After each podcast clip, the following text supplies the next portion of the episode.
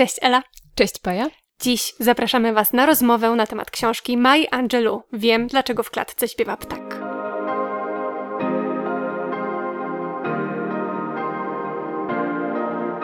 Cześć, bardzo serdecznie witamy Was w kolejnym odcinku, który jest dla nas bardzo wyjątkowy i szczególnie ważny. Jesteśmy bardzo podekscytowane, pewnie to słychać w naszych głosach, bo możemy Wam wreszcie opowiedzieć o książce, której Paja Wam wspomniała w tytule. Wiem, dlaczego w klatce śpiewa ptak, Mai Angelu, w moim tłumaczeniu, więc to jest... Mamy tu dziś tłumaczkę z nami, słuchajcie, jest z nami tłumaczka. tak, i to jest pierwszy powód, dla którego jesteśmy szczególnie związane emocjonalnie z tą książką. A drugi powód to taki, że jest to, słuchajcie, nasz pierwszy matronat. Jesteśmy bardzo szczęśliwe i wdzięczne wydawnictwu Relacja, że możemy matronować Mai Angelu. No i opowiedzieć Wam już teraz, bo premiera już 1 czerwca, więc za parę dni będziecie mogli, będziecie mogły zaopatrzyć się w tej książkę. A naprawdę warto, będziemy Was do tego przekonywać, będziemy Wam opowiadać oczywiście o tłumaczeniu, bo jak już mówiłam na sali, jest z nami tłumaczka. E, jest z nami tłumaczka, więc oczywiście oczywiście tłumaczenie i język odgrywają niebagatelną rolę w przypadku tej książki, mm -hmm. ale do tego wszystkiego sobie przejdziemy. Myślę, że zagłębimy się w wiele bardzo ciekawych szczegółów. Ale zaczniemy od osoby najważniejszej, czyli od Mai Angelou. Yy, opowiedzieć, kim była Maja Angelou jest niesamowicie... Mam nadzieję, że macie trzy godziny czasu. Naprawdę, po prostu łatwiej by było powiedzieć, czego Maja Angelou nie robiła. Yy, to na pewno wyszłoby szybciej, bo yy, Maja Angelou jest niesamowicie płodną amerykańską poetką, pisarką, działaczką na rzecz ruchu praw obywatelskich, aktywistką, pisała scenariusze, grała w filmach, śpiewała kalipso. Jest po prostu, nie, była niesamowicie zaangażowaną osobą w sztukę, w świat literacki, w kulturę i pozostawała aktywna aż do swojej śmierci w roku 2014. Działała aż do swojego ostatniego 86 roku, więc y, cały czas pozostawała aktywna i cały czas y, przejawiała zainteresowania przeróżnymi dziedzinami. Myślę, że te przeróżne dziedziny i tematy, które ona porusza, do tego przejdziemy sobie w, omawiając już w szczególe książkę, o której będziemy dzisiaj mówić, czyli Wiem, dlaczego w klatce śpiewa ptak. Y, będziemy też mówić trochę o jej poezji, bo to jest y, mhm. bardzo ciekawy element jej twórczości. No i oczywiście będziemy Was zachęcać do tego, żebyście pogłębili i pogłębiły swoją wiedzę na temat Maja Angelou. Na pewno wiele ciekawych informacji znajdzie się w opisie odcinka. Bardzo byśmy chciały Wam wrzucić tam linki do nagrań, do tego, jak ona wykonuje swoją poezję, mm -hmm. bo to są, to jest coś niesamowitego. Gdy raz usłyszy się, jak Maja Angelou czyta i wykonuje swoje dzieło. Nie można po prostu, no, jej głos zostanie wam na zawsze w głowie. No właśnie, i myślę, że w tym miejscu warto wspomnieć, że wiem, dlaczego w klatce śpiewa ptak. To jest dopiero pierwszy tom z siedmiu tomów autobiografii Mai Angelou, bo po tym, co opowiedziała wam Paja, to na pewno się domyślacie, że to było bardzo bogate, e, obfitujące w różnego rodzaju wydarzenia życie, więc nie sposób e, zawrzeć tego wszystkiego w jednym tomie. No i mam nadzieję, że będziecie po lekturze tego pierwszego czekać z niecierpliwością na następne, które już mogę zdradzić, powoli będą się szykowały. Bo zdradzasz nam, że powoli będą się szykowały. Wspaniale, wspaniale. No cieszę się, że jest tego tak dużo i że będą, będziemy mogły, mam nadzieję, yy, czytać i cieszyć się jej twórczością dalej. No ale tak jak mówiłaś, to jest pierwszy tom jej yy, autobiografii. Yy, ukazał się w roku 69 i Maja Angelou napisała go mając 41 lat. I mając te 41 lat i ten ogromny bagaż doświadczeń, już, już mnóstwo e, dokonań na swoim koncie, działania właśnie na rzecz ruchu praw obywatelskich, pracę w Afryce, pracę jako dziennikarka w Kairze, pracę na uniwersytecie w Ganie, więc ona już zrobiła mnóstwo rzeczy i wraca w tym pierwszym tomie do swojego dzieciństwa. I mimo, że pisze o swoim dzieciństwie, to porusza bardzo wiele różnorodnych tematów. Tak, myślę, że gdybyśmy próbowały jakoś tak e, powiedzieć, o czym jest ta książka, bo zawsze od tego zaczynamy, chociaż tutaj miałyśmy pewien problem, kiedy myślałyśmy, tak. jak to opowiedzieć, o czym ona jest, bo jest no, przebogata w wszelkiego rodzaju tematy, tak jak Paja powiedziała. No ale myślę, że tak ogólnie można powiedzieć, że jest to jednocześnie książka o jednostkowym dorastaniu, ale oczywiście jest to e, dorastanie e, bardzo szczególne, bo czarnej dziewczynki w latach 30., potem 40., na głębokim południu. Więc tutaj oprócz tych e, indywidualnych zagadnień, oprócz tej sytuacji rodzinnej, która też jest bardzo e, szczególna w przypadku Mai Angelu i, i jej brata Baileya, to do tego wszystkiego dochodzą oczywiście te wielkie, wszechogarniające tematy, jak e, rasizm, jak segregacja różnego rodzaju, jak ograniczenia narzucane czarnym osobom. E, no więc e, mamy to, to, to indywidualne życie wplecione siłą rzeczy w ten wielki schemat. Żeby sobie jakoś pomóc, bardzo bym chciała przeczytać Wam blurba, którego napisała profesora Inga Iwasiów. Myślę, że to mogłoby w jakiś sposób chociaż trochę podsumować to, co znajdziemy w, w autobiografii Mai Angelou i myślę, że sobie przejdziemy do kilku z tych tematów, o których Inga Iwasiów pisze w tym blurbie. Kanoniczna autobiografia czarnego feminizmu w odnawiającym język przekładzie. Dorastanie w świecie segregacji rasowej, kryzysu ekonomicznego, strachu dzieci przed porzuceniem, dorosłych przed linczem. Narodziny dumy i świadomości wbrew destrukcyjnej sile przemocy. Opowiadanie przeszłości przez filtr detali i metafor. Nieoczywiste ratunkowe plamy czułości i międzyludzkich sojuszy. Ta książka opowiada indywidualny los, a zarazem reprezentuje pokolenie, Amerykę, rasę, kobiecość, moc literatury. To jest w ogóle bardzo piękny blurb. Ja się bardzo cieszę, że znajdzie się na okładce tak wspaniały opis. E, no i cieszę się, że pomogłyśmy sobie. Mam nadzieję, że to wybrzmiało tutaj wiele tych elementów, które w tej książce możecie znaleźć. Tak, mowa tutaj jest na przykład o rasie, którą będziemy chciały z analizować przez język, który pojawia mhm. się w tej książce. Ela ma dla Was przygotowane, mamy bardzo ciekawe przygotowane tematy dla Was, e, jak można ten język analizować i na jakiej części pierwszego rozłożyć. E, oczywiście pojawia się tutaj również kwestia tego indywidualnego losu i reprezentacji czegoś większego. E, tutaj bym chciała może od tego trochę zacząć, bo wydaje mi się, że to jest bardzo ciekawy element w tej akurat książce. Mm, no mamy teraz rok 2022, tak, ja muszę sobie czasami przypominać, który mamy rok, bo to jest trudne. I wydaje mi się, że jesteśmy już trochę przyzwyczajeni do ludzi piszących o sobie i do, do pojawienia się e, autobiografii, że co chwilę pojawia się jakaś autobiografia i że w sumie co w tym jest takiego wyjątkowego, że, że pojawia się coś znowu, e, albo że ktoś znowu coś o sobie pisze. E, no i teraz chciałabym się trochę zanurzyć w ten kontekst historyczny, w to, kiedy pojawiła się w ogóle po raz pierwszy ta książka.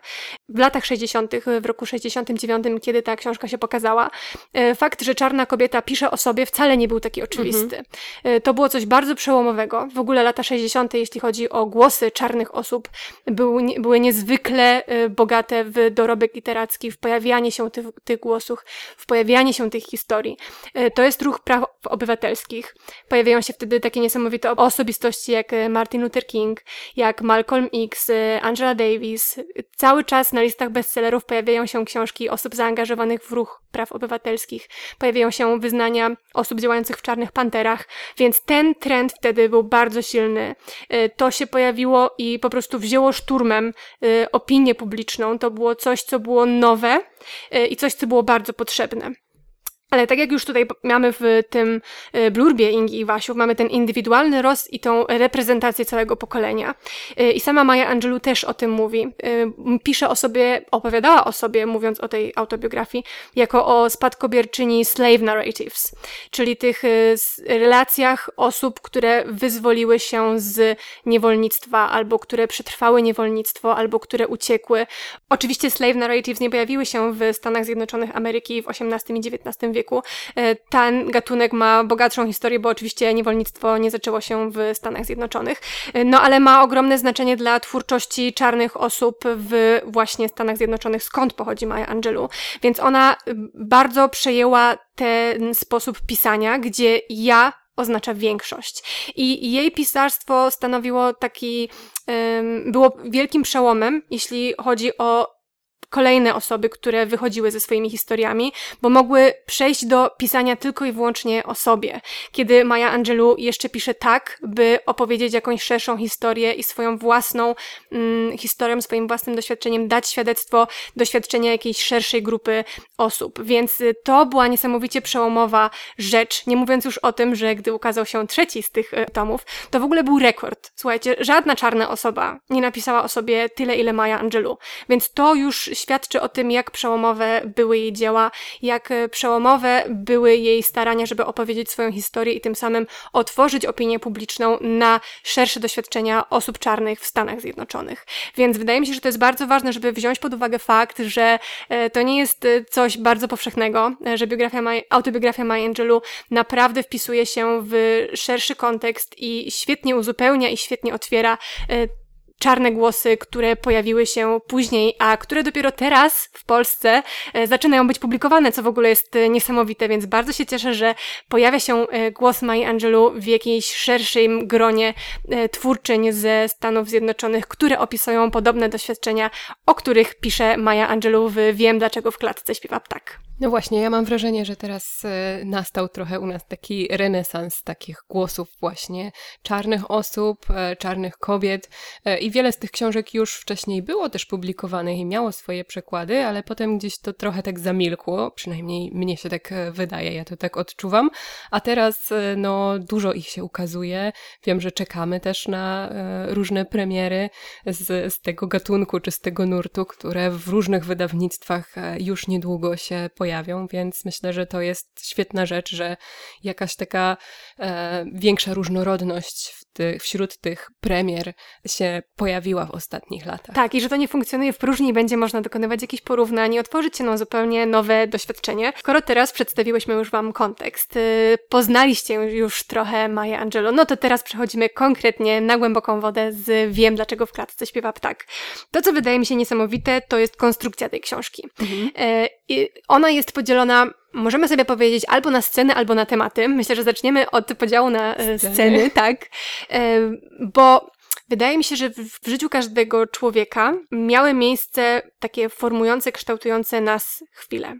I mamy takie chwile, do których wracamy myślami, takie, które wiemy, że stanowią filar e, naszego ja, takie, które są ważne dla nas, ale które wpisują się w jakby całość naszego życia i w całość naszego doświadczenia.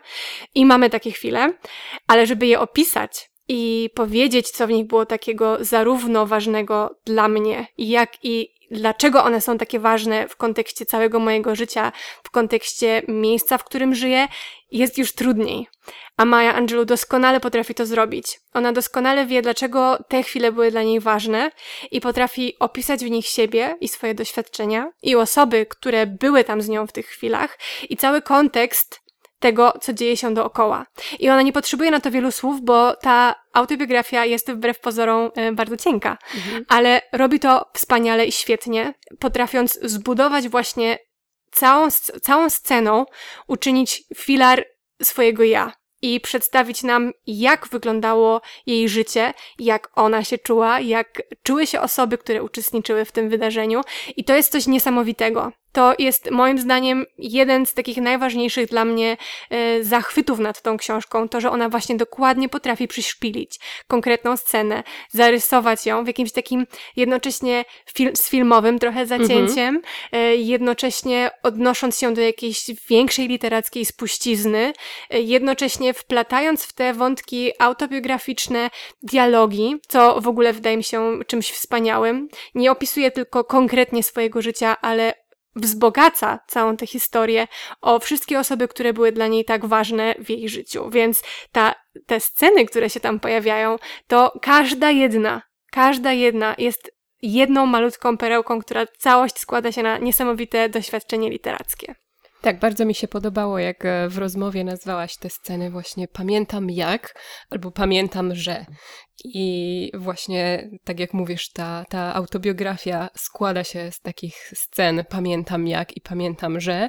I właśnie Maja Angelou niesamowicie dokonuje tego wyboru. Tak jak mówisz, to nie jest gruba książka i tak jak powiedziałaś wcześniej, naprawdę jej życie e, składało się z samych takich scen pewnie, które można by opisać i można by napisać e, ogromną cegłę na ten temat, ale ta umiejętność doboru tego e, i stworzenia całego takiego, takiej mozaiki, czy takiego łańcucha wydarzeń, które, które tworzą osobowość, które tworzą osobę, które tworzą życie, które tworzą nasze e, pojęcie o tym, jak wyglądało e, cudze życie w takich czasach i w takich okolicznościach, to jest naprawdę coś niesamowitego.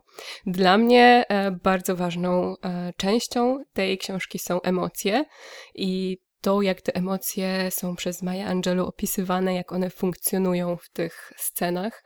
I myślę sobie o, o przedmowie, którą e, do tego wydania napisała Oprah Winfrey. I, ona tam pisze o, o takim przekonaniu Mai Angelou, że wszyscy jesteśmy do siebie bardziej podobni niż różni, że jesteśmy do siebie bardziej podobni niż mogłoby nam się wydawać. I myślę, że to widać w opisie tych e, różnych wydarzeń, bo e, na pierwszy plan wysuwają się moim zdaniem takie bardzo uniwersalne i bardzo ludzkie, bardzo podstawowe emocje. E, więc nawet kiedy my czytamy o wydarzeniach, których nigdy w życiu nie doświadczyliśmy, nie byliśmy nawet w pobliżu doświadczenia czegoś takiego i czasem może trudno nam sobie wyobrazić, jak to dokładnie jest e, brać udział w takiej scenie, czy, czy być poddaną jakiemuś takiemu strasznemu, e, czy niekoniecznie strasznemu, jakiemuś doświadczeniu, które nam się wydaje całkowicie obce, to mimo tego braku własnego doświadczenia, to te emocje jesteśmy w stanie sobie wyobrazić, bo to są te same emocje, które my w zupełnie innych chwilach odczuwamy. I na tym poziomie emocjonalnym e, Maja Angelou nawiązuje taką niesamowitą więź z czytelnikami i czytelniczkami. To jest e, dla mnie coś naprawdę wyjątkowego w tej książce. No i oczywiście język. Mhm. To jest coś, co naprawdę rzuca się w oczy, a zwłaszcza ten kontrast i te wiele rejestrów językowych, które pojawiają się w tej książce, bo tak jak już sobie powiedziałyśmy, mamy te różne postaci z jej najbliższych, którzy pojawiają się w jej życiu, oczywiście i w tych wszystkich scenkach, które sobie trochę e, opisałyśmy, jakie one mają znaczenie, więc te postaci, te osoby wypowiadają się zupełnie inaczej niż e, to, jak Maya Angelou pisze i jak zgłębia własne ja, cofając się do własnego dzieciństwa. Więc ta różnica w tych różnych rejestrach, nie tylko ja i inni, ale w różnych rejestrach tego, jak pisze o tym, jak była w szkole, tego, jak pisze o tym, jak chodziła do kościoła, tego, jak pisze o tym, jak e, pomagała w sklepie, tego, jak pisze o tym, jak mieszka potem w wielkim mieście. To są naprawdę bardzo różne scenerie i Maya Angelou doskonale potrafi zróżnicować język, którego używa, żeby tym bardziej bardziej podkreślić odrębność i wyjątkowość każdej chwili, którą opisuje. I to jest coś naprawdę niesamowitego, y, zwłaszcza jak sobie pomyślimy też o jej twórczości jako poetki bo mm, myślę, że możemy trochę powiedzieć o tym, jak wyglądają jej wiersze i jak wygląda jej proza. Jej wiersze są bardzo skrótowe, prawda? One są tak. bardzo oszczędne. Jak zaczęłam czytać wiersze, to miałam taką refleksję, że proza Mai Angelou jest dużo bardziej poetycka niż jej poezja. No właśnie, może coś o tym nam powiesz, droga tłumaczko, jak, jak to wyglądało właśnie z tym odbiorem tego języka książce, gdy zaczęłaś ją czytać, a później, gdy pojawiło się jakieś porównanie z innymi jej tekstami. Jakie to było to pierwsze spotkanie? Ja, jak zaczęłam czytać, to byłam zachwycona, a jednocześnie zdawałam sobie sprawę, jak e, dużo się w tym tekście kryje. I e, myślę, że to było coś takiego, co wyróżniało pracę nad tym przykładem e, spośród moich innych przykładów. Mianowicie to, ile czasu mi to zabrało. Tak na co dzień, ile mi to zabierało czasu. Nie dlatego, że sam proces tłumaczenia e, był jakiś dłuższy, tylko e, takie momenty na przetrawienie tego wszystkiego, czyli najwięcej trwał ten moment pomiędzy tym, kiedy ja przeczytałam jakieś zdanie, a kiedy zabrałam się za przetłumaczenie go, bo byłam świadoma tego, jak dużo w każdym z tych zdań się kryje. Nie tylko takie bezpośrednie znaczenie, ale też e, jakaś warstwa brzmieniowa czasami, jakaś warstwa metaforyczna, to, jak ono się wpisuje w to, co było wcześniej, jak później coś innego będzie do, do niego nawiązywać. I dawałam sobie czas, żeby te wszystkie warstwy ułożyły się gdzieś w mojej głowie, czy w moim sercu, nie wiem skąd to tłumaczenie wypływa. I dopiero potem, jak, jak to wszystko mi się jakoś tak poukładało, to e, zabierałam się za stukanie w klawiaturę, żeby to jakoś przełożyć. No i żeby, żeby postarać się jak najmniej w tym procesie utracić z tych wszystkich różnych warstw, żeby ten ostateczny wynik nie był tylko bliski znaczeniowo, temu, co jest w, w oryginale, ale też, żeby te dodatkowe niuanse tam e, zawrzeć, jak najwięcej ich zawrzeć. No tak, te warstwy o tej wielowarstwowości tego, jak ona pisze, jest też ta wielowarstwowość tematów, które porusza. I czy zauważyłaś coś takiego, co wydawało ci się najważniejsze, co starałaś się zawsze zachować mimo to, mimo tego, że czasem coś po prostu gdzieś w tym tłumaczeniu się zgubi? Czy był jakiś taki element, który uważałaś za najważniejszy, gdy czytałaś i pracowałaś nad tym przekładem? Nie wiem, czy można wybrać jeden e, najważniejszy element, ale mm, wydaje mi się, że jedną z takich e, ważniejszych cech oprócz oczywiście e, tych dwóch języków, e, o których zaraz sobie powiemy, e, jeśli chodzi o tą narrację, to jednym z takich najważniejszych elementów są metafory i porównania. To jest właśnie ten poetycki element, który często w tym tekście się pojawia. I to są bardzo nieoczywiste porównania, i to są takie metafory, które są bardzo daleko od jakichś takich oklepanych, wyrażeń czy, czy opisów, które już gdzieś się tak wygodnie usadowiły w, w języku, więc Maja Angelou jest w tym bardzo oryginalna i bardzo świeża. No i czasami e, chyba jest taka pokusa, żeby coś wygładzić, żeby zrobić tak, jak wszyscy znają, żeby... Uczynić coś bardziej zrozumiałym. Zrozumiałym, podejrzewam, bliższym. Mhm. że te metafory są bardzo osadzone w jej konkretnym kontekście kulturowym, prawda? Tych przykładach, które się pojawiają, one się na pewno odnoszą do one się odnoszą do jej doświadczenia i ona buduje takie bardzo indywidualne te porównania, które tworzy. Tak, tak, to też. No więc e, jest chyba taka e, pokusa, wydaje mi się, może tylko w takich uporządkowanych ludziach jak ja, e, żeby to właśnie jakoś może troszkę doprowadzić gdzieś bliżej normy, ale oczywiście to jest całe piękno i to jest cała wyjątkowość tego języka Mai Angelou, więc bardzo się starałam, żeby te metafory były bliskie e, pod względem wydźwięku właśnie oryginałowi i żeby e, przebijała z nich też ta wyjątkowość języka. Zresztą e, ty jak czytałaś, to zwróciłaś na parę takich miejsc uwagę i to jak wiele mówią te, te metafory. To nie są takie zabiegi, które mają na celu tylko upiększenie czy jakieś takie wzbogacenie formy, ale one naprawdę niosą z sobą ogromne znaczenie, taki ładunek emocjonalny. Pamiętam, że zwróciłaś uwagę na przykład na scenę, gdzie przyszły e, tak zwane dziewczyny z białej bidy, żeby nękać babcie Mai Angelu i tam było o, o ich głosach i o śmiechach, które trzaskały i trzeszczały chyba jak ognisko albo jak bicz, nie pamiętam w tak, którym tak. momencie było, nie, to był ten ogień, metafora ognia, tak. E, I, I właśnie bardzo, bardzo to jest takie wyraziste, bardzo wyraziste porównanie i ono dużo nam pokazuje o tym, kim są te osoby. No jakaś taka przemocowość, prawda? Przemocowość, gwałtowność, taka, e, takie trochę, trochę fascynacja, jaką budzi taki ogień i, i, i takie przerażenie, które budzi to, że jest taki niepowstrzymany, że jest taki niszczycielski. Więc no e, to są dosłownie trzy słowa, a wynika z tego naprawdę, naprawdę wiele elementów, które dzieją się gdzieś na właśnie tym dodatkowym poziomie, w tej dodatkowej warstwie, o której mówiłam wcześniej. Mówisz bardzo o tych warstwach i o tym, że tego jest dużo i że Dużo było tego czytania na pewno dookoła i jakiegoś zgłębiania różnych e, niuansów kulturowych, historycznych.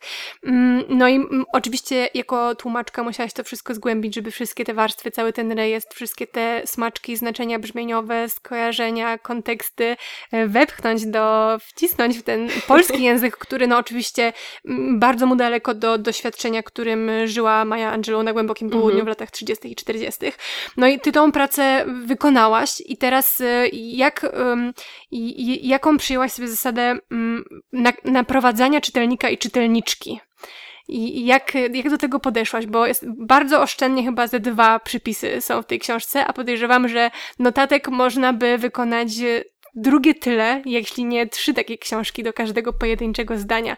Czy miałaś, czy tutaj coś ci przyświecało, jakaś idea w prowadzeniu czytelnika, czy po prostu założyłaś, że same słowa wystarczą, żeby poprowadzić czytelnika i czytelniczkę tropem i żeby sami zbadali całą tę głębię języka, którym posługuje się Maya Angelou? Myślę, że stosowałam takie zwykłe tłumackie metody, jeśli dało się dodać jedno słowo, które e, pozwoli czytelnikom i czytelniczkom się lepiej odnaleźć i, i, i zrozumieć, co to jest.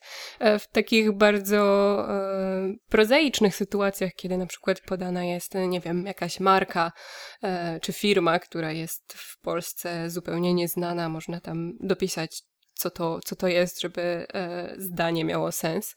E, ale jeśli chodzi o e, takie większe potencjalne przypisy, nazwijmy to, jakieś osoby, czy wydarzenia, czy miejsca, które mogłyby być nieznane, to ja mam nadzieję, że czytelnicy i czytelniczki jeśli będą e, tym zainteresowani, to sami pójdą tym tropem. Trochę to jest tak jak ostatnio, jakiś czas temu mówiłyśmy o, o przekładzie Trans i Pool Baby e, i o tym, co tłumaczka Agazano napisała na końcu tej książki. Więc ja też miałam takie wrażenie, że Maya Angelou pisze o doświadczeniach czarnych osób i pisze to e, ze swojego punktu widzenia i to ona i to doświadczenie powinno być w centrum i powinno być przyjęte jako taki punkt wyjściowy. I e, to białe czytelniczki i biali czytelnicy, czy należące do jakichkolwiek innych grup, jeśli nie wiedzą, jeśli nie rozumieją czegoś, to, to powinien być ich wysiłek, żeby gdzieś sięgnąć po dodatkowe informacje, żeby się zainteresować. To zresztą zawsze myślę jest cenniejsze, jeśli e, ta wiedza, to poszukiwanie wiedzy wychodzi od nas, a nie zostaje nam podane na tacy. No już nie mówiąc o tym, że często te przypisy lądowałyby w, w trakcie jakiejś bardzo e, emocjonalnej, bardzo dramatycznej sceny e, i myślę, że to bardzo by rozbiło ten, tak, gwiazdka ten tekst. w połowie. Właśnie, gwiazdka w połowie jednego z moich ulubionych i najbardziej dramatycznych fragmentów, więc no nie, nie mogłam sobie tego wyobrazić w ogóle. Zaraz przejdziemy do naszych e, ulubionych scen i fragmentów, bo jest ich wiele, ale jakimś cudem wybrałyśmy kilka, żeby trochę bliżej y, je omówić. Ale teraz jeszcze wracając na chwilę do języka, tak jak już y, powiedziałyśmy, mamy język i to, jak Maya Angelou pisze o sobie i zwraca się do siebie i przedstawia czytelnikom i czytelniczkom swoje ja i swoje przemyślenia i swoje odczucia, ale mamy też te dialogi i mhm. przeróżne postaci, które się pojawiają, które mówią w przeróżny sposób. I chciałam zapytać y, oczywiście ciebie, jako tłumaczkę, jak wyglądało, jak wyglądał ten proces tworzenia języka, którym mówią czarne osoby. Bo rozwiązań na temat tego, jak czarne osoby mogą mówić w, na piśmie, e, było już wiele. Mamy tutaj na przykład przekład e, Jędrzeja Polaka i Anny Przedpełskiej-Trzeciakowskiej. Oboje podjęli się tłumaczenia książki Faulknera Wściekłość i Wrzask.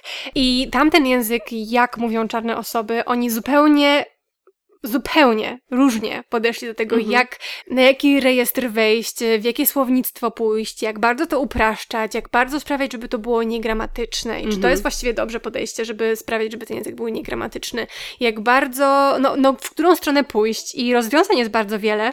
E, tutaj te fragmenty, które za chwilę Wam przeczytam, bo wydaje mi się, że to jest bardzo ciekawe porównać jeszcze mm, z tym, co, co, czego Ty dokonałaś w Wiem, dlaczego w klatce śpiewa ptak, mm, to są fragmenty, które cytuje Krzysztof Umiński w swojej książce Trzy tłumaczki.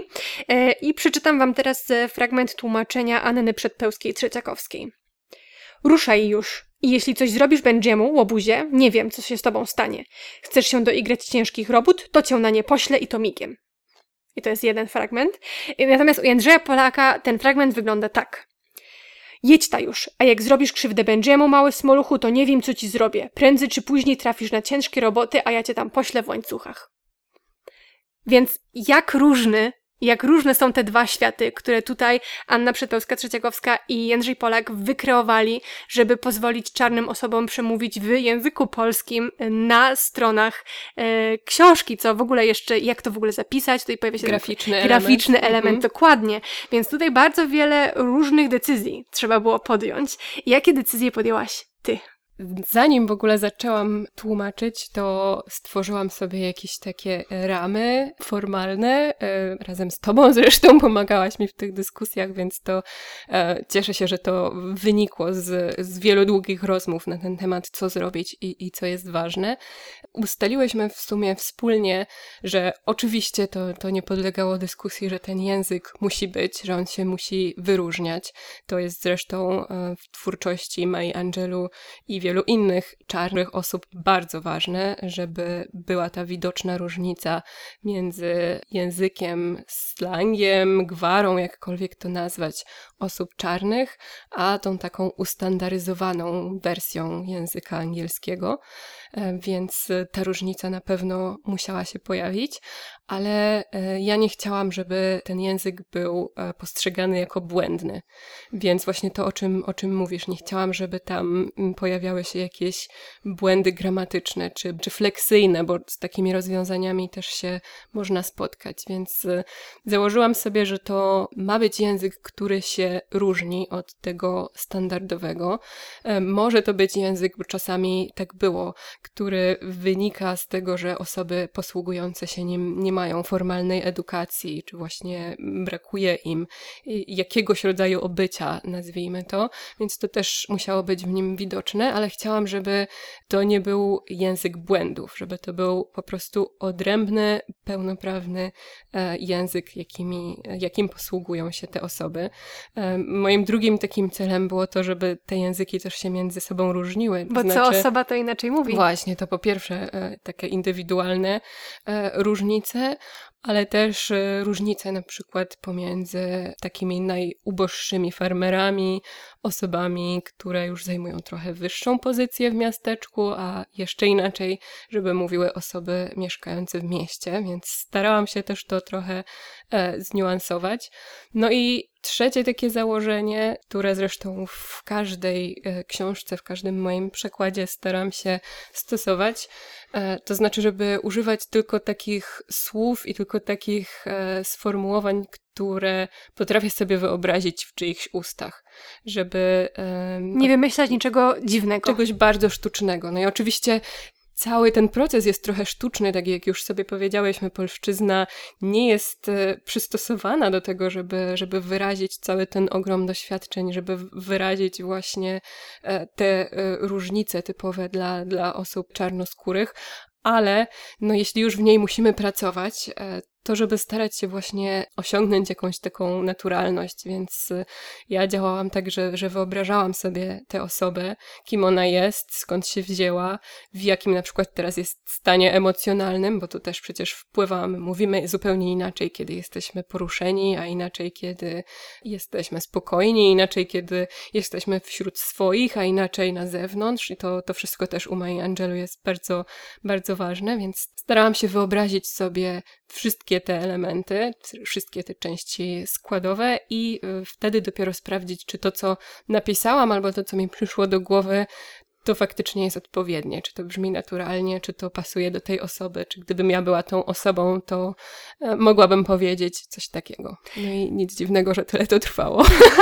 No więc, ponieważ przeczytałam już parę dwie e, próbki rozwiązań, jak e, można by wybrnąć z, z tych różnych dylematów tłumackich, które się pojawiają właśnie w takich sytuacjach. Może sama przeczytasz nam, co ty wymyśliłaś na potrzeby oczywiście jednej postaci, bo tych przykładów na pewno można by przytoczyć wiele i wszystkie je osobno analizować, tak jak mówiłaś, pod kątem tego, kto się wypowiada, w jakim kontekście i gdzie pojawiają się konkretnie te różnice. No ale ten jeden fragment, który tutaj dla nas przygotowałaś, czy możesz go proszę przeczytać? Tak, przeczytam, bo jeszcze wbrew pozorom nie umiem tego na pamięć. E, to jest wypowiedź babci, czyli mamci. E, przeczytajcie, żeby się dowiedzieć, dlaczego tak jest. E, no, to jest jeden z moich ulubionych fragmentów, ten początek, więc cieszę się, że mogę się już teraz z wami podzielić. Są żeście największe niewdzięczniki, jakiem w życiu widziała. Myślicie, że mamcia i tatko zadali sobie tyle trudu i wysłali wam te ładniutkie zabawki, co byście siedzieli na zimnie i płakali?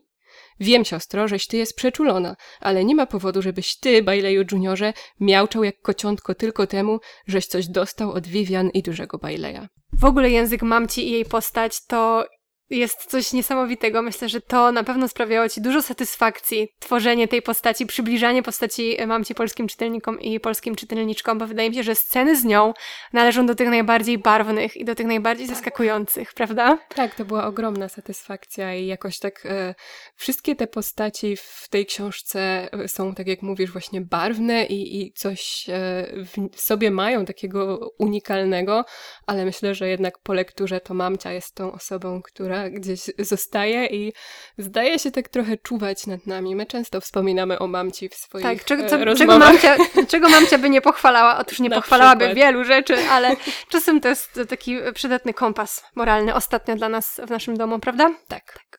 E, no, mówiłyśmy właśnie o tych e, niesamowicie barwnych postaciach. No i teraz przejdźmy może do paru scen, które sobie wybrałyśmy. Ja, no, jest tego mnóstwo i naprawdę mogłabym każdą po kolei powiedzieć, że należy do moich ulubionych, ale jednymi z takich najbardziej poruszających, emocjonalnych i zadziwiających językowo, naprawdę, to są sceny, które odbywają się w kościele podczas nabożeństw. I tam, co się dzieje językowo, to jest coś, no to jest prawdziwe tornado różnych rejestrów, które tam się pojawiają. E, tak. Bo z jednej strony mamy te przeżycia wewnętrzne e, młodej Mai e, i jej doświadczenia duchowe i jednocześnie obserwacje społeczne, które ona mhm. poczynia siedząc w kościelnej ławce. Mamy oczywiście to, co mówi pastor. Mamy oczywiście Słowo Boże, które pada z ambony. I mamy oczywiście różne natchnione duchowo osoby, które pojawiają pojawiają się e, na, tych, e, na tych spotkaniach, które również się wypowiadają. Więc ten miks tej podniosłej duchowości i jakiegoś, e, we, jakiejś wewnętrznej introspekcji, bardzo osobistych intymnych przemyśleń, plus interakcje społeczne, które są bardzo zabawne, naprawdę. Te sceny, sceny w kościele są wszystkie bardzo zabawne. Są takie śmieszne, naprawdę. Jakoś takim, takim wewnętrznym, spontanicznym um, i sytuacyjnym humorem, który mm. ona potrafi świetnie zarysować i wydaje mi się, że oczywiście z jednej strony wynika to z tego zderzenia się tej bardzo poważnej y, religijnej przemowy z prostym światem, który wchodzi do tego kościoła. Sakrum i profaną. Sakrum i profaną. Naprawdę to zderzenie tego sakrum i profaną rzeczywiście w tych scenach to jest coś niesamowitego i to są naprawdę y, cudownie, bardzo smakowite sceny, jeśli chodzi właśnie o różne języki, e, różne sposoby mówienia, e, różne sposoby przekazywania tych samych emocji, które pojawiają się nagle z jednej strony wszystko nas atakuje. To jest coś naprawdę niesamowitego, więc właśnie te sceny w kościele należą do jednych z moich ulubionych. Jest ich kilka, co jedna to lepsza, więc naprawdę to zresztą Maja Angelou bardzo, dla niej bardzo ważna w ogóle była y, Biblia i mhm. Słowo Boże. To też widać. To też widać, tak. I ona zawsze, gdy pisała, czytałam sobie, że zawsze, gdy pisała, musiała mieć przy sobie Biblię i że za każdym razem y, odnajdywała tam nie tylko, wiadomo, jakąś duchową mądrość, ale przede wszystkim to było też dla niej narzędzie językowe. Mhm. Y, więc no, to na pewno było coś bardzo ważnego, co widać, że ona już zawarła, w, że to było coś formacyjnego dla niej, te wszystkie sceny i uczestnictwo w tym życiu duchowym małej społeczności Stamps, więc y, no po prostu to był jeden z moich y, ulubionych scen, które pojawiają się w tej autobiografii. Ja y, naprawdę, to jest straszne, że Paja kazała mi wybrać jakieś ulubione sceny, bo no tak jak powiedziała, każda jedna mogłaby być moją ulubioną, no ale dobrze. Na potrzeby naszego dzisiejszego nagrywania wybrałam dwie. E, I zacznę od tej, od tej drugiej, bo e, tutaj też pojawiła się przed chwilą kwestia humoru i myślę, że e, o tym sobie nie wspomniałyśmy, a to jest też bardzo ważny element u, u Mai Angelu i myślę, że o tym warto powiedzieć, że wśród tych wszystkich bardzo poważnych i bardzo um, takich trudnych też tematów i spraw. Myślę, do których przejdziemy do za których chwilę. Przejdziemy tak. za chwilę.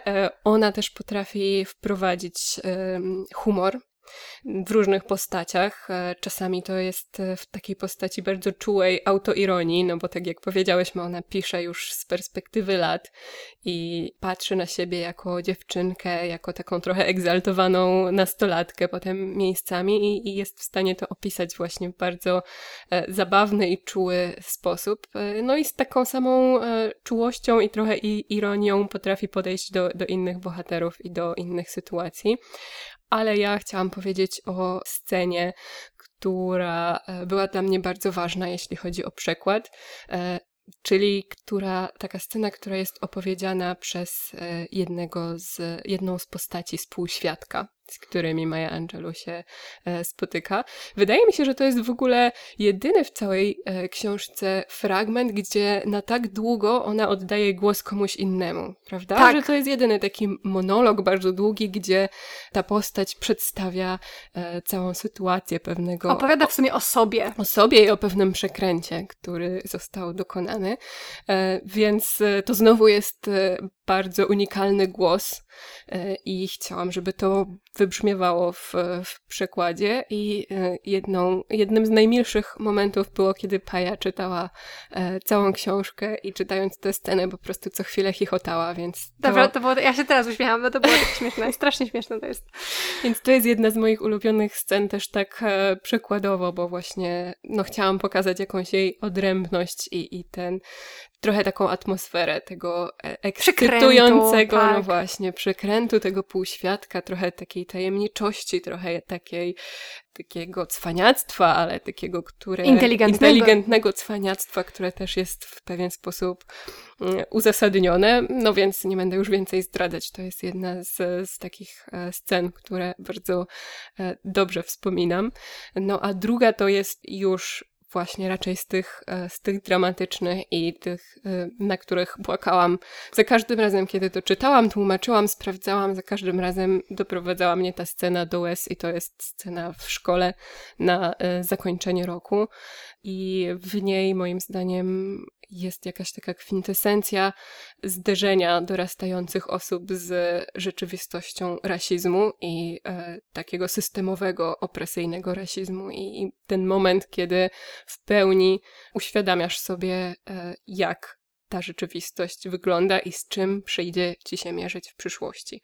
Więc to jedna z najbardziej poruszających scen. Dodam tylko, że ona też e, w pewnym momencie skręca w zupełnie innym kierunku i to też jest y, poruszające i ważne, no ale nie będę wam opowiadać całej książki. Mam nadzieję, że już zdążyłyśmy was trochę zachęcić do sięgnięcia po nią. Tak, no tak jak powiedziałyśmy, można by sięgać do wielu różnych, ale ja chciałabym przytoczyć jeszcze jedną, e, bo ja czytałam tę książkę już jakiś czas temu w mhm. oryginale i bardzo ciekawie było sobie porównać to, co zapamiętałam, a z tym, co rzeczywiście jest w tej książce e, i gdy właśnie porównywałam sobie swoje wrażenia, e, zaskoczyło mnie wiele rzeczy i wiele scen, które zapamiętałam. A te, które teraz przy tym czytaniu Twojego przekładu wybiły się na pierwszy mhm. plan i które teraz sta stały się dla mnie bardziej e, godne zapamiętania, ale to, co łączy moje pierwsze czytanie z tym drugim czytaniem, to wrażenie i emocjonalna reakcja na jej opis e, gwałtu, którego doświadczyła w wieku 7 lat. E, Maja Angelou została zgwałcona przez chłopaka swojej matki i ta scena, chociaż bardzo ważna, wydaje Wydaje się, że w tej książce trwa bardzo krótko. W, następnie, w następstwie tej sceny y, Maja Angelou postanawia, że przestanie się odzywać. Y, I jej milczenie trwało 5 lat. Chociaż w tej książce ten upływ czasu nie jest zaznaczony, ale wydaje mi się, że to jest coś niesamowicie ważnego, że osoba, która tak świetnie operuje słowami i tak od najmłodszych lat zdaje sobie sprawę z tego, jak słowa są ważne i co potrafią, jaką rzeczywistość potrafią wykreować, to ta decyzja, by zamilknąć i by zamknąć się w sobie i przestać nazywać rzeczywistość. I w ogóle wydaje mi się, że te sceny dotyczące właśnie nie tylko tej przemocy seksualnej i gwałtu, ale w ogóle seksualności, e, że Maya Angelou, która jest e, tak niesamowicie e, elokwentna i tak świetnie zna się na słowie i tak wchodzi w te różne rejestry, o których sobie już trochę opisałyśmy, w przypadku seksu i tej przemocy nie potrafi nazwać nie nazwanego. I to, że brakuje jej słów e, na nazwanie części ciała, to, że brakuje jej zasobów, żeby opisać to, co się wydarzyło. Więc to zestawienie tej oszczędności i z tego braku słownictwa, z tym bogactwem, którym raczy nas dookoła we wszystkich innych obszarach swojego życia, to jest coś dla mnie niesamowicie przejmującego, co zapamiętałam z tej pierwszej lektury i co uderzyło mnie podczas ponownego czytania teraz tej książki po polsku. Myślę, że to też pokazuje e, nie tylko u niej taki brak, ale też w społeczeństwie i, i że to pewnie częściowo jest też e, świadomy zabieg mający pokazać, jakie tabu Tak. e, otacza pewne, pewne sprawy i to zarówno seks, jak i przemoc seksualną, chociaż oczywiście to są dwie zupełnie odrębne sprawy, ale często w niektórych środowiskach są otoczone, obwarowane tego samego rodzaju milczeniem, czy właśnie takimi eufemizmami, czy próbą zepchnięcia tego gdzieś do takiej przestrzeni, e, gdzie o tym się nie mówi, gdzie nie nazywa się rzeczy po imieniu, więc myślę, że to też e, jest bardzo ciekawy komentarz do, do społeczeństwa i do języka, który jest albo którego nie ma w pewnych e, aspektach. Tak, zwłaszcza, że tam też pojawia się ten moment, oczywiście, kiedy mężczyzna dokonujący tego gwałtu i tej przemocy mówi: Nie mów nikomu, bo zabije twojego brata. Więc również tutaj, nawet jeżeli ona nie wiedziałaby, jak to powiedzieć, to i tak nie może tego powiedzieć. Więc ta podwójna autocenzura, która się tutaj pojawia, e, a która potem ma swoje przełożenie na to, co działo się później, czyli rozprawa w sądzie i cała ta trauma, która się z tym wiązała, z tym opowiedzeniem tej historii, e, czego efektem ostatecznie było zamilknięcie Mai Angelou na 5 lat. E, I w tych w ciągu tych pięciu lat, kiedy ona milczała, dokonała się właśnie w niej, no siedziała wtedy w książkach i dokonało się w niej właśnie to największe takie literackie, wielkie te wszystkie literackie odkrycia, o których ona pisze, e, co odkryła, w jakich słowach się e, zamknęła, jakimi słowami się otaczała i i jak wtedy wielką pociechę przyniosła jej literatura, która później towarzyszyła jej na kolejnych etapach życia. Myślę, że można by, pewnie ktoś już to zrobił, napisać całą rozprawę doktorską na temat właśnie języka milczenia, głosu i braku głosu, właśnie chociażby w tej jednej książce, w tym pierwszym tomie autobiografii, więc to też jest naprawdę bardzo fascynująca kwestia, która e, wypływa z, z lektury, nad którą się zastanawiamy już od dawna i, od, i to już od wielu lat, e, i która ciągle jest bardzo aktualna i ciągle nam e, przysparza nowych przemyśleń. Ten kontekst literacki dla Mai Angelou był niezwykle ważny, nie tylko jako element formujący jej tożsamość, ale po prostu książki, literatura, słowo, poezja, to wszystko odgrywało niebagatelną rolę.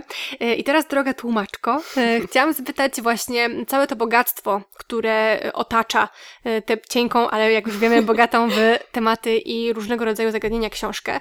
E, Czy ty też otaczałaś się jakimiś tekstami, które pomogły ci w zinterpretowaniu, w dobrym przełożeniu tej książki? Czy korzystałaś z jakichś e, innych materiałów, z innych przykładów, z pierwszego przykładu na język polski, który się pojawił? Możesz trochę o tym opowiedzieć? No więc widzisz, ja nie wiedziałam tego o tej Biblii, teraz ty mi to powiedziałaś, ale muszę powiedzieć, że ja w, miałam współczesną wersję tego samego, bo miałam stale otwartą zakładkę z, z Biblią Tysiąclecia, więc no trzeba przyznać, że to jest pierwsza książka, która rzeczywiście przez cały ten przekład e, mi stale towarzyszyła, ale starałam się oczywiście przeczytać różnego rodzaju e, prace naukowe czy, czy opracowania e, dotyczące twórczości Mai Angelou, żeby jakoś wejść e, w jej świat i jakoś więcej się dowiedzieć, zanim zacznę przekładać.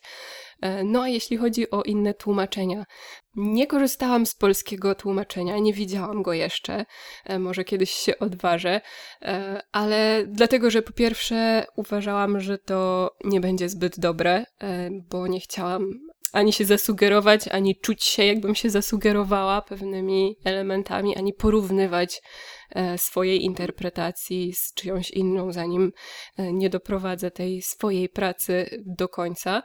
Poza tym przekład jest bardzo trudno dostępny już. Myślę, że też z tego względu to jest bardzo cenne, że, że Maja Angelou teraz pokaże się w nowym wydaniu, żeby po prostu można było e, ją kupić i, i, i sięgnąć po tę wspaniałą literaturę, więc e, tak jak mówię, nie, nie korzystałam z polskiego przekładu, bo po pierwsze nie miałam do niego dostępu, a po drugie to może dobrze, bo, bo by mnie kusiło może.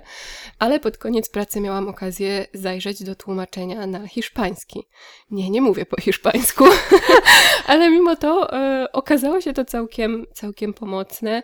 E, zaglądałam tam tylko w, w miejscach, które były dla mnie w jakiś sposób e, trudne, czy jeszcze nastręczały wątpliwości na tym ostatnim etapie etapie autoredakcji. E, no i muszę powiedzieć, że to było bardzo ciekawe doświadczenie. E, różnie się to kończyło, odnajdywanie danego fragmentu w, w przekładzie na hiszpański. No właśnie, okazywało się, że to jest pomocne, niepomocne. Zawsze to było pomocne, ale w różny sposób. Bo czasami zdarzyły się takie miejsca, gdzie faktycznie uznałam, że tłumacz na hiszpański miał jakiś dobry pomysł, na który ja nie wpadłam i pozwoliłam sobie go e, zinterpretować e, po swojemu i przełożyć jakoś na, na polszczyznę. Czasami znajdowałam rozwiązanie, które było dla mnie tak rozczarowujące, że e, no jakoś zaczynałam bardziej doceniać to, co, to, co ja zrobiłam. Pamiętam, on opuszczał tam opuszczał niektóre momenty, które były właśnie na tyle złożone, że chciałam zobaczyć, jak inni to wybrnęli z tego, żeby, e, żeby oddać to wszystko. No i okazywało się, że, że czasami e, nie wybrnęli wcale, e, albo poprzez opuszczenie. Czasami naprowadzało mnie to w ogóle na jakiś inny trop i, i okazywało się, że, że można w ogóle jakoś inaczej, czyli nie tak jak ja zrobiłam, nie tak jak zrobił tłumacz na hiszpański, tylko jeszcze gdzieś coś zaiskrzyło i, i, i pojawiło się pojawiło jakieś skojarzenie. Się, tak, tak, skojarzenie i nowa myśl, więc to, to zawsze było ciekawe i, i pomocne, chociaż tak jak mówię, w, w różny sposób. No i oczywiście jeszcze korzystałam z ciebie, czyli co chwilę miałyśmy jakieś narady. Pochwalę się, ja jestem dobra w onomatopejach. Tak, ja mam straszny problem, nie tyle same onomatopeje, co w ogóle e, jakie dźwięki wydają różne rzeczy, więc e, ja tylko co chwilę pytam, Paja, a co robi pociąg jak jedzie po szynach? Albo e, co robi wiatr jak e, tak gałęzią, no on tak co on robi? więc ja nie wiem dlaczego, ale E, czasowniki opisujące różne dźwięki to nie jest moja mocna strona. Cieszę się, Więc, że mogłam pomóc. E, ale to jest tylko wycinek twojej, twojej pomocy. Były też inne e, momenty, kiedy, kiedy się naradzałyśmy, no i te narady też zawsze, zawsze pomagają, więc ty jesteś kolejną moją pomocą tłumaczeniową. Cieszę się, że mogłam chociaż mieć jakiś mały wkład w twoje piękne dzieło. Naprawdę bardzo serdecznie polecamy wam tę książkę. Mamy nadzieję, że ten przegląd tutaj, który przygotowałyśmy dla Was. Najpierw zapoznanie Was trochę z twórczością, potem zgłębienie się w to, o czym pisze Maya Angelou w pierwszym tomie swojej autobiografii, a potem jeszcze e, rozmowa z tłumaczką i spojrzenie od zupełnie innej strony na interpretację i podejście do tekstu zainteresowały Was, żebyście sięgnęły i sięgnęli po tę właśnie publikację, którą przygotowuje wydawnictwo Relacja 1 czerwca, premiera. Czekajcie, będzie wspaniale. No ale jeżeli wszystkie te niesamowite rzeczy, które przygotowałyśmy dla Was w tym odcinku Was nie przekonały, szczerze wątpię, ale gdyby tak było, e, to Ela przygotowała dla Was, wybrała fragment swojego tłumaczenia. Myślę, że on wpisuje się w to, co sobie oczywiście już e, tutaj powiedziałyśmy, czyli tą poetyckość języka mm. i tą rozbudowaną metaforę i ten bardzo przenikliwy wzrok Mai Angelou, która świetnie wyłapuje e, zarówno charakterystykę postaci, jak i wpisuje je w kontekst sytuacji. Więc e, tutaj Ela przygotowała dla Was e, fragment, który zilustruje dla Was to, jak wspaniale Maja Angelou pisze i jak widzi świat. O ile poranne dźwięki i zapachy nosiły znamiona czegoś nadprzyrodzonego, o tyle późne popołudnia miały wszelkie cechy zwykłego arkansaskiego życia. W umierającym blasku słońca wlekli się ludzie, już nie ich puste worki na bawełnę. Odwiezieni z powrotem pod sklep zbieracze schodzili z pak ciężarówek i osuwali się, przytłoczeni rozczarowaniem, na ziemię. Nieważne ile zebrali, i tak nie było tego dość. Wypłata nie starczała im nawet, by uregulować dług zaciągnięty u babci, nie mówiąc już o oszałamiającym rachunku, który czekał na nich wprowadzonym przez białych pracodawców w składzie żywności w centrum miasta. Dźwięki nowego poranka były teraz zastępowane przez narzekania na nieuczciwe spółki, oszukane wagi, węże, rzadką bawełnę i pyliste przesmyki między roślinami. Późniejszych latach miałam z tak niezmierzoną wściekłością sprzeciwiać się stereotypowemu obrazowi wesołych zbieraczy bawełny pracujących z pieśnią na ustach, że nawet inni czarnoskórzy zarzucali mi, że mam paranoję, która jest wręcz żenująca.